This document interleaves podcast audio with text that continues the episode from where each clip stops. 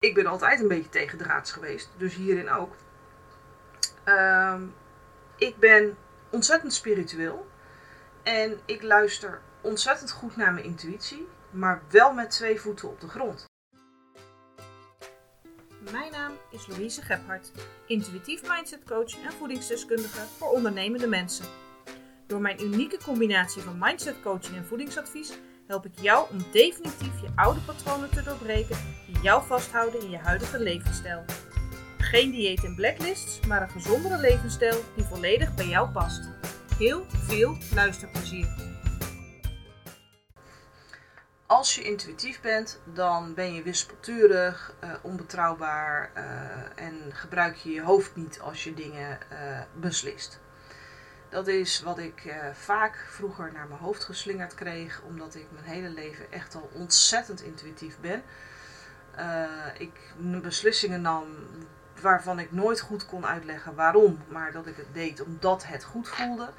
Mensen ook naar mij toe kwamen voor advies uh, en dan gaf ik ze het advies wat ze moesten horen, wat ze nodig hadden en niet wat ze wilden horen. En dan ja, hoe wist je nou dat ik dit even moest horen? Ja, dat wist ik eigenlijk ook niet hoe ik dat wist. Ik noemde het het grote weten. Uh, toen ik jonger was, uh, zeker als kind, maar later ook, wist ik eigenlijk nog helemaal niks over intuïtie en uh, hoe dat werkte. Dus voor mij was dat het grote weten. En mensen vonden het af en toe ook bijna eng hoe ik dingen wist.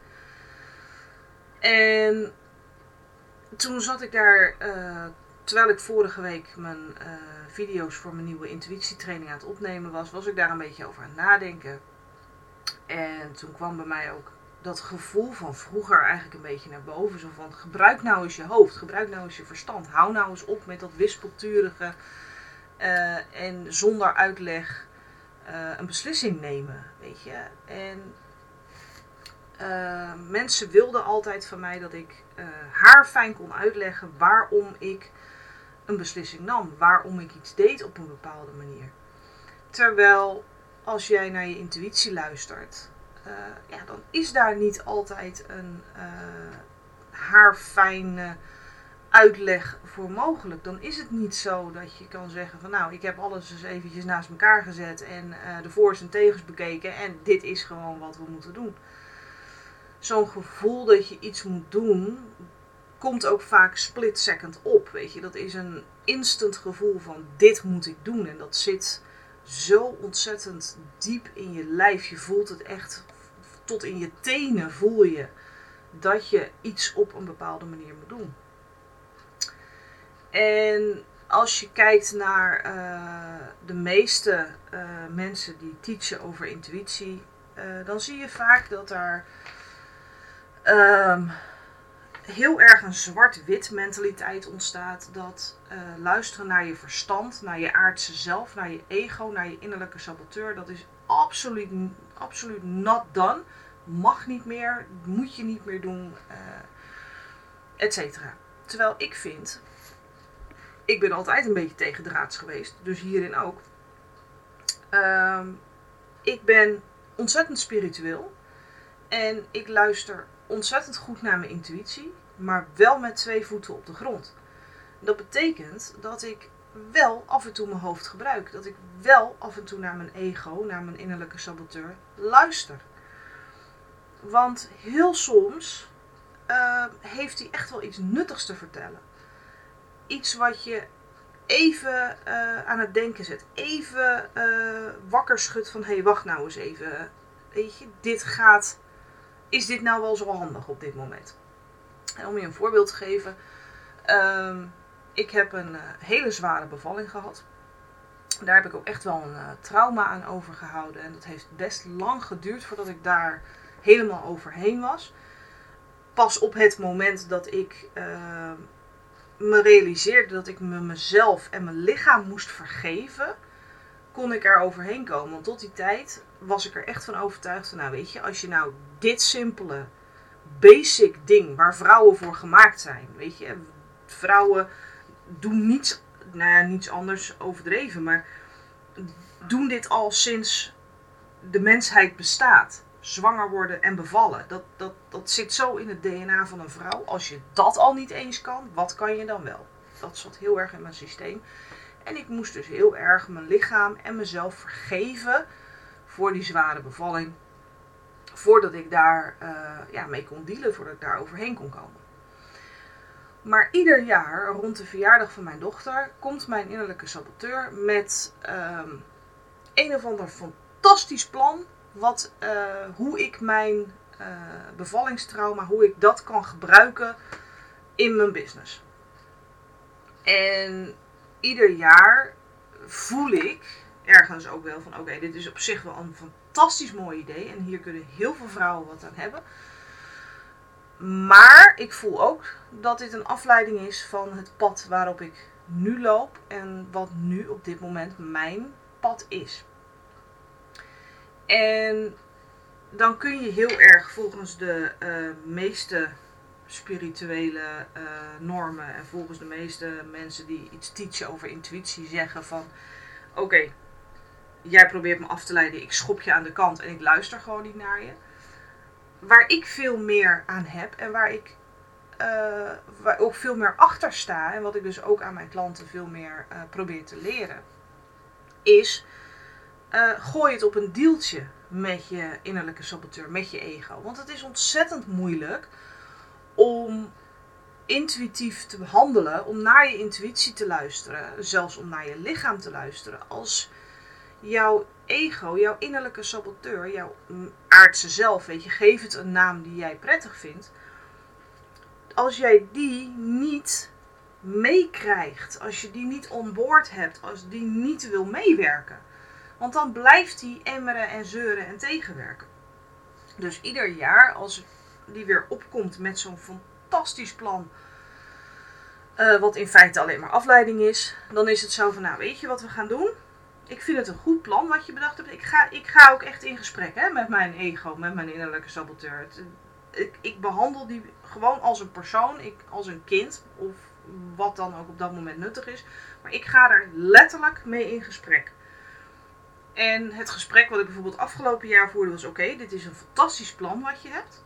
Ik zie ook echt wel het potentieel erin. Maar op dit moment is het niet iets waar ik wat mee wil. En ik heb het idee dat jij me probeert af te leiden. Dus wat we doen, is we parkeren het idee. En als ik nou over een half jaar terugkijk naar dat idee en nog steeds voel, dit moeten we doen, dan gaan we ermee door. En anders dan uh, gooien we het op de stapel uh, niet uitgevoerde ideeën. En dan laten we het los. En de deal is, ik hou het in, uh, op de achtergrond in reserve. En jij houdt je mond en je houdt op om erover te zeuren. En dat werkt ook serieus ieder jaar opnieuw. Want uh, ieder jaar, na een half jaar, ben ik vaak alweer vergeten dat ik dat fantastische plan, dat mijn ego, mijn innerlijke saboteur met dat fantastische plan kwam.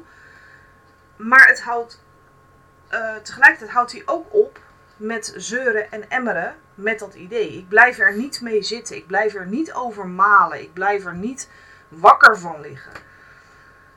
En zo zie je dus dat op het moment dat jij je ego, je innerlijke saboteur, meekrijgt in jouw intuïtieve proces, dat hij mee gaat werken, dat hij uh, ja, in plaats van tegen draads overal tegen ingaan, dat hij zich laat uh, kalmeren en dat hij uh, op die manier ja, zich rustig houdt. En jij je dus weer kan concentreren op de dingen die echt de bedoeling zijn waar je je op concentreert. Dan zie je dat het allemaal een heel stuk makkelijker wordt. En ik heb ook altijd vanaf eigenlijk, uh, nou ja, ik zei het al, ik ben mijn hele leven ontzettend intuïtief geweest. Alleen ben ik een aantal jaar geleden heb ik geleerd om uh, mijn intuïtie heel gericht te gebruiken in plaats van per ongeluk. En op het moment dat ik dat leerde, had die persoon het er ook vaak over van ja, maar je ego moet je de mond snoeren, die moet je verwijderen, die moet je uh, wegsturen. En ik vond altijd, ja, maar je ego is een stuk van jou. En je kunt niet een stuk van jezelf verwijderen. Dat gaat niet. Je moet er um, mee leren omgaan. Je moet leren samenwerken. En zo behandel ik dus eigenlijk een heleboel dingen waar mijn ego dreigt roet in het eten te gooien. Dan ga ik met mijn ego in gesprek en ik ga uh, samenwerken. We gaan compromissen sluiten. We gaan uh, bedenken: oké, ja, mooi, maar hoe kan dit op een voor ons allebei handige manier? En ik vergelijk het ook wel eens met uh, mijn opvoeding. Mijn vader was ontzettend autoritair en heel veel dingen waren gewoon uh, nee. En als ik wilde weten waarom niet, dan was het altijd omdat ik dat zeg. En ik vond dat altijd verschrikkelijk, want ik had zoiets van ja, maar je kan me toch uitleggen waarom je niet wil dat ik iets doe. En eigenlijk behandel ik mijn ego dus zoals ik zelf als kind behandeld had willen worden door mijn vader. Dus mijn ego, die reageert gewoon niet lekker op als ik heel autoritair zeg: nee, dat doen we gewoon niet. Je, je probeert me af te leiden, klaar, punt. Doen we niet. Dan blijft die zeuren, emmeren, klieren, doen. Terwijl als ik ermee in gesprek ga en als ik zeg: joh, het is op zich een fantastisch idee wat je, wat je hebt, maar voor nu is het echt een waanzinnige afleiding van datgene waar ik op dit moment mee bezig ben. Dus dit, we gaan het op deze manier doen en dan uh, zijn we allebei tevreden. Dat werkt veel beter. En dus voor mij gaat je verstand gebruiken, je hoofd gebruiken, gaat samen met je intuïtie gebruiken. En ik geloof er ook serieus niet in dat als jij volledig alleen maar op je intuïtie gaat leven, um, dat je dan ook echt nooit meer je hoofd gebruikt. Want we leven nou eenmaal in een maatschappij die van ons vraagt dat we af en toe even ons hoofd gebruiken. En dat je zorgt dat je beslissingen neemt die wel veilig blijven voor jou, voor je gezin, voor je dierbaren, voor je lichaam, uh, voor jouw leven in het algemeen. En een ander voorbeeld. Ik kreeg bijvoorbeeld van uh, een paar weken geleden had ik een fantastisch mooie kans om in een coachingstraject voor mezelf te stappen. En nou, dat was echt een ultieme kans. En uh, ik voelde aan alles en ja, ik voelde aan alles dat dit moest ik doen. Dit was uh, het traject waar ik in moest stappen. Maar tegelijkertijd gebruikte ik wel mijn verstand deels. Um, mijn innerlijke saboteur, mijn ego, die zei van nou weet je, dit kunnen we op dit moment even niet betalen, dus dat gaan we niet doen. Uh, toen ik het daar met iemand anders die redelijk uh, veel teacht op het gebied van intuïtie over had, toen kwam heel erg dat naar voren van ja, maar je moet vertrouwen. Je moet vertrouwen op een goede uitkomst. Je moet vertrouwen op als je dit nu investeert, dat de financiële problemen eromheen niet bestaan, dat die zich oplossen. Nou, mijn ego, uh, die was het daar helemaal niet mee eens. Die zegt van ja, hoor eens, je kan me nog meer vertellen, maar die financiële problemen, die bestaan wel degelijk als wij hiermee doorgaan. Maar toen ging ik dus weer in gesprek met mijn ego. En bleek dat het niet eens per se de financiële kant was, maar toen stond ik nog op de lijst voor een knieoperatie. Dat is inmiddels van de baan, ander verhaal, daar gaan we het nu niet over hebben. Um, maar ik stond nog op de lijst voor een knieoperatie. En ik wist dat ik de komende tijd mijn energie, mijn aandacht, mijn uh, alles nodig had om daarvan te herstellen. En dan had ik geen energie en aandacht meer over om aan een coachtraject te besteden. En als ik in een traject stap, dan wil ik daar alles uithalen. Dan wil ik, wil ik uh, voor mezelf, maar ook voor de coach die ik inhuur, wil ik gewoon uh, dat ik er alles aan doe om te groeien. Dus als ik dan weet van nou, uh, ik ga hier niet de volledige energie en aandacht voor kunnen hebben, dan doe ik het liever niet. Dan wacht ik liever tot uh, een ander moment. Maar je ziet hier een combinatie van enerzijds het heel sterk voelen van een ja, dit traject moet ik gaan volgen. Anderzijds um, toch mijn verstand gebruiken van ja, maar ik weet gewoon dat dit op dit moment gewoon niet handig is. En vervolgens een, toch een heel diep vertrouwen dat ik weet dat zo'n kans echt wel weer voorbij komt op het moment dat de timing wel goed is. Dus je ziet, ik combineer heel erg het luisteren naar mijn intuïtie, het volgen van die intuïtie, maar tegelijkertijd hou ik mijn hoofd er wel bij. Als mijn ego, mijn innerlijke saboteur, met een bezwaar komt, neem ik dat bezwaar wel serieus. Ik ehm, luister ernaar en ik ga ook in gesprek met mijn ego van oké, jij hebt dit bezwaar. Wat is hier aan de hand? Waarom heb je dit bezwaar? En dit gesprek kun je letterlijk, zoals ik doe, vaak hard opvoeren. Ehm, ik denk dat heel veel mensen ook af en toe denken van die is helemaal want die loopt de hele dag tegen zichzelf te praten. Nou, dat doe ik inderdaad. Ik praat heel veel tegen mezelf. Omdat ik dat een prettiger manier vind, voor mij veel directer uh, is dan dat ik erover ga journalen. Maar journalen is ook een hele goede manier om deze conversatie te voeren met je ego, met je innerlijke saboteur. Van, en ga dan vragen opschrijven, ga tenminste vragen beantwoorden als waar ben jij zo bang voor? Uh, wat ben je bang om kwijt te raken als we dit gaan doen? Wat ben je bang om uh, wat, wat, dat, dat er zal gebeuren als we dit gaan doen? En waarom ben je daar dan zo bang voor? En hoe kunnen we ervoor zorgen dat je er niet meer zo bang voor bent? In feite, uh, wat ik heel veel zeg, zie je ego, jouw innerlijke saboteur, als een klein kind. En dat kind dat hangt aan je been, die wil je aandacht ergens voor, die wil gehoord worden, die wil gezien worden. En op het moment dat dat kind zegt, ja maar ik ben bang, en jij zegt als ouder van ja maar er is niks om bang voor te zijn, dan is dat kind niet spontaan niet meer bang. En zo ga ik ook met mijn ego om. Als ik tegen mijn ego zeg: ja, maar er is helemaal niks om bang voor te zijn, stel je niet zo aan. Dat werkt niet. Want je ego is nog steeds ergens bang voor. Dus vandaar dat ik zeg: ga ermee in gesprek. Ga dat gesprek aan. Onderzoek waarom jouw ego bang is.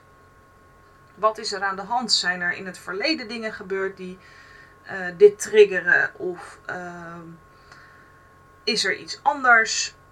Zoek het uit met je ego. Waar is die bang voor?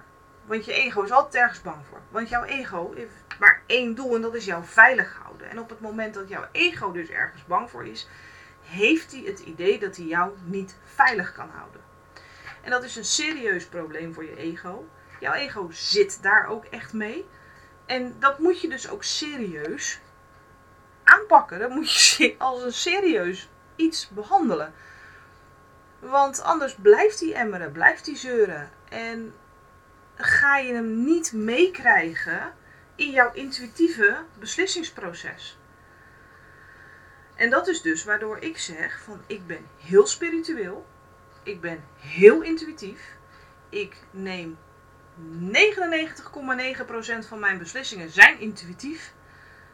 Maar ik hou wel altijd mijn hoofd erbij. Ik zorg wel dat op het moment dat mijn ego inspringt en zegt van ja, maar dit wil ik niet, dan ga ik eerst in gesprek. Dan ga ik terug naar mijn aardse zelf, ga ik daarmee in gesprek. Wat is hier aan de hand? Waarom wil je dit niet? Waar ben je bang voor? En dan kan ik eh, het op, of, op een deeltje gooien, zoals ik dus ehm, heb gedaan met uh, dat fantastische nieuwe plan, waarmee die dus altijd elk jaar komt rond de verjaardag van mijn dochter.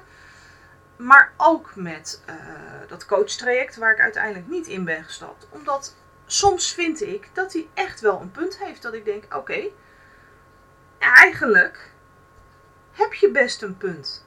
Maar als we het dan... Uh, ik wil niet zomaar blind met je meegaan in deze beslissing. Maar je hebt een punt. Dus als we het nou op deze manier oplossen. En dan gooien we het dus op een deeltje. We sluiten een compromis. Dan ben ik wel trouw aan mezelf gebleven, trouw aan mijn intuïtie gebleven. Maar tegelijkertijd heb ik de angsten van mijn ego wel erkend. Ik heb er serieus wat mee gedaan. Waardoor je dus veel meer krijgt dat hij inderdaad met jou mee wil werken. Dat hij onboard is met wat jij wil gaan doen. En dat is wat je wil als jij intuïtief gaat leven. En ook als je intuïtief gaat eten. Maar ja, voordat je intuïtief gaat eten, zul je toch echt naar je intuïtie moeten kunnen luisteren. Dus vandaar dat ik die training ook gemaakt heb. Maar je moet wel uh, je ego mee onboord krijgen. Je moet wel zeggen van oké, ik wil dit gaan doen. Jij bent hier tegen. Hoe kunnen we ervoor zorgen dat we toch bij elkaar komen, dat onze neuzen dezelfde kant op staan en dat we toch tot een beslissing kunnen komen die voor ons allebei gewoon goed voelt. En dat is de kern, wat mij betreft, voor intuïtief leven. Dankjewel voor het luisteren en tot de volgende podcast. Wil je mij volgen op Instagram? Zoek dan op intuïtief leven en eten.